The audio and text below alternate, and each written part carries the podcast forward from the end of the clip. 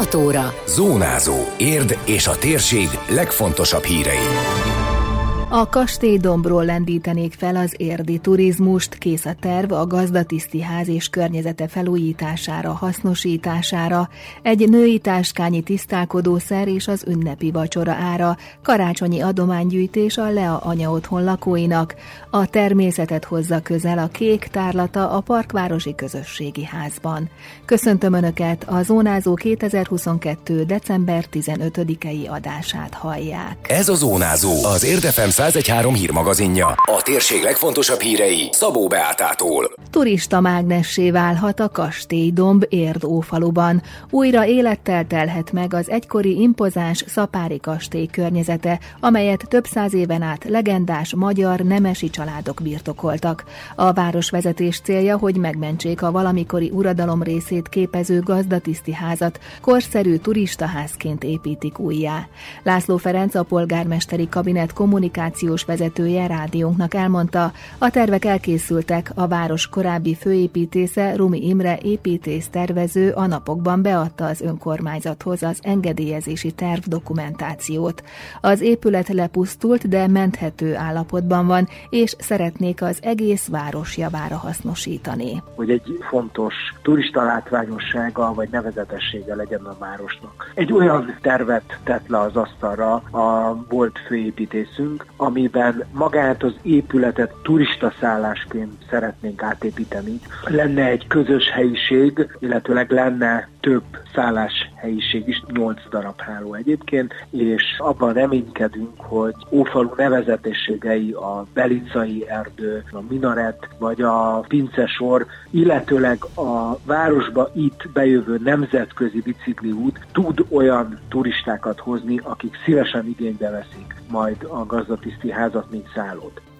A széthordott kastély helyszínét, a környező területet is rendbe teszik, egy új kulturális teret alakítanak ki, lenne egy közösségi tér, egyfajta amfiteátrum, ahol össze lehet jönni, szabadtéri rendezvényeket, koncerteket lehet tartani, valamint egy közparkot is létrehoznak, ismertette László Ferenc.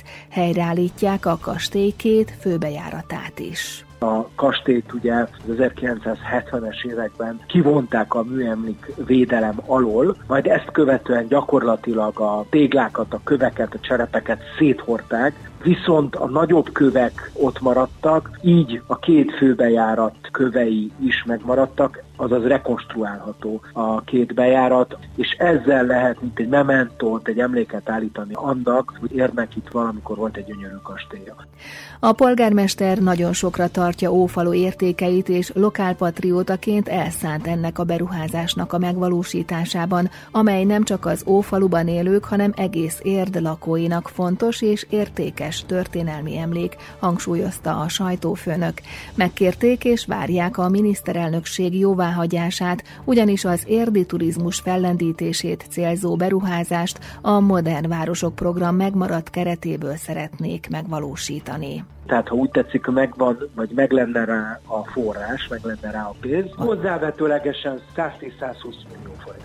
Az a kérdés, hogy a kormány jóvá hagyja-e, hogy ezt a pénzt egy ilyen fontos műemlékvédelmi, fontos turisztikai beruházásra költsük. Hónapok óta bent van a kérésünk. Bizakodunk benne, hogy pozitív lesz a miniszterelnökség válasza. Ezt viszonylag rövid idő alatt, akár egy-másfél év alatt be tudnánk fejezni valódi karácsonyi meglepetést rejthetnek a feneketlennek mondott női táskák. Tisztálkodó szerekkel megtöltve örömet szerezhetnek az adományozók a Lea anya otthon lakóinak.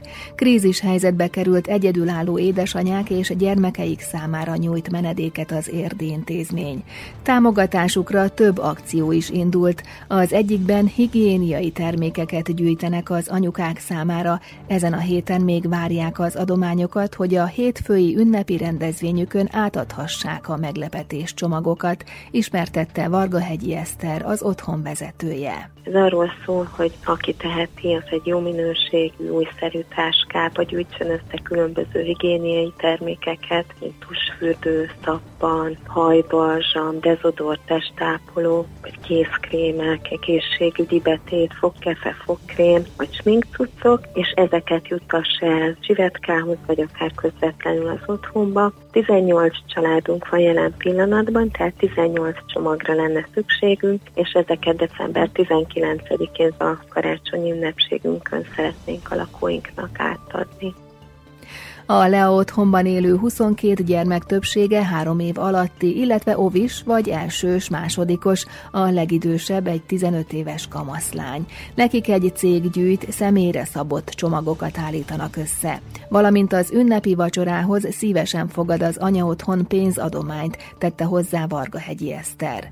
De egyelőre karácsonyfája sincs az intézménynek, egy három méternél kisebb fenyőt szeretnének, és örömmel veszik, ha valaki ezzel járul járulna hozzá az ünnepükhöz. A karácsonyi napokat ünnepétkezésekkel szeretnénk megünnepelni. Erre is indult egy gyűjtés, itt pénzt gyűjtünk, 3000 forint per főért tudunk biztosítani egy-egy lakó részére egy ünnepi étkezést, úgyhogy aki teheti, akkor az pénzzel is hozzájárulhat ahhoz, hogy a lakóink méltó módon ünnepelhessék meg a karácsony. 26-án pedig közös főzés lett, húsleves van tervben, csirkepaprikás és ehhez illő köretek és sütemények. A táska kampányról, illetve az ünnepétkezésekről szóló kampányról is a lea.hu oldalon lehet tájékozódni.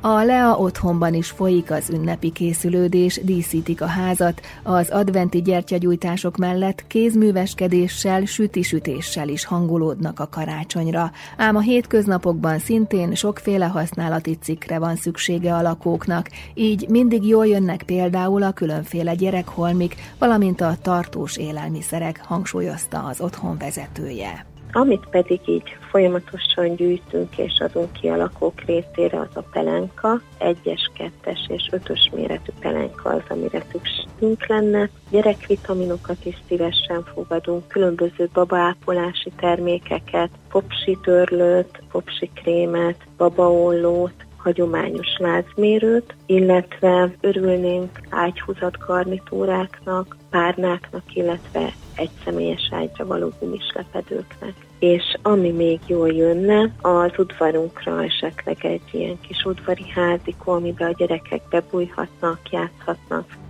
További részleteket olvashatnak az adományozásról az Érdmoston, ahol a Lea otthon vezetőjével készült teljes interjút is meghallgathatják. Még néhány nap a természetben, jövő keddig látható a Poliárthoz tartozó képzőművészek érdi közösségének tárlata a Parkvárosi Közösségi Házban. A kék hagyományos évvégi kiállítása a járvány idején elmaradt, de most ismét együtt mutatkoznak be. Ilka Gábor képzőművész a megnyitón elmondta, érdemes ellátogatni a tárlatra, a szebbnél szebb tájképek között örömöt talál a néző, tette hozzá Ilka Gábor. Az alkotók a legfrissebb legfrissebb munkáikat hozzák el ilyenkor. Az érdi és az ért környékén lakó amatőr művészek egyéves konkrét megmutatkozása, amit mindenki egy kicsit zsongva vár, és egy kis figyelemmel, hogy vajon hol tartanak a többiek. Most adventben vagyunk, ilyenkor az ember egy kicsit elcsendesedik, egy kicsit befele néz, de van olyan rezonáns ilyenkor a lélek, hogy könnyebben tud befogadni művészeti alkotásokat. Nagyon érdekes a mostani kiállítás, nincs koncepció, de aki körbeállja, nem tudja nem észrevenni, hogy gyakorlatilag tájképek vannak, a hegyektől a vizekig, a fáktól a bokrokig. Amikor felakasztjuk a falra ezeket a képeket elhelyezzük, olyan, mintha természetbe lehetnénk, és érdemes végignézni, mert az ember el tud benne mélyedni, és ez örömöt jelent. A kékhez tartozó alkotók havonta egyszer tartanak összejövetelt, és gyakran neves művészeket hívnak meg, akik a maguk művészetéről mesélnek és tanácsokat adnak. Sonfai István, a Poliárt Alapítvány kuratóriumi elnöke elmondta, ez a közösség már 7-8 éve együtt van, és sokat ad arra, hogy fejlődjenek és örülnek egymás sikereinek.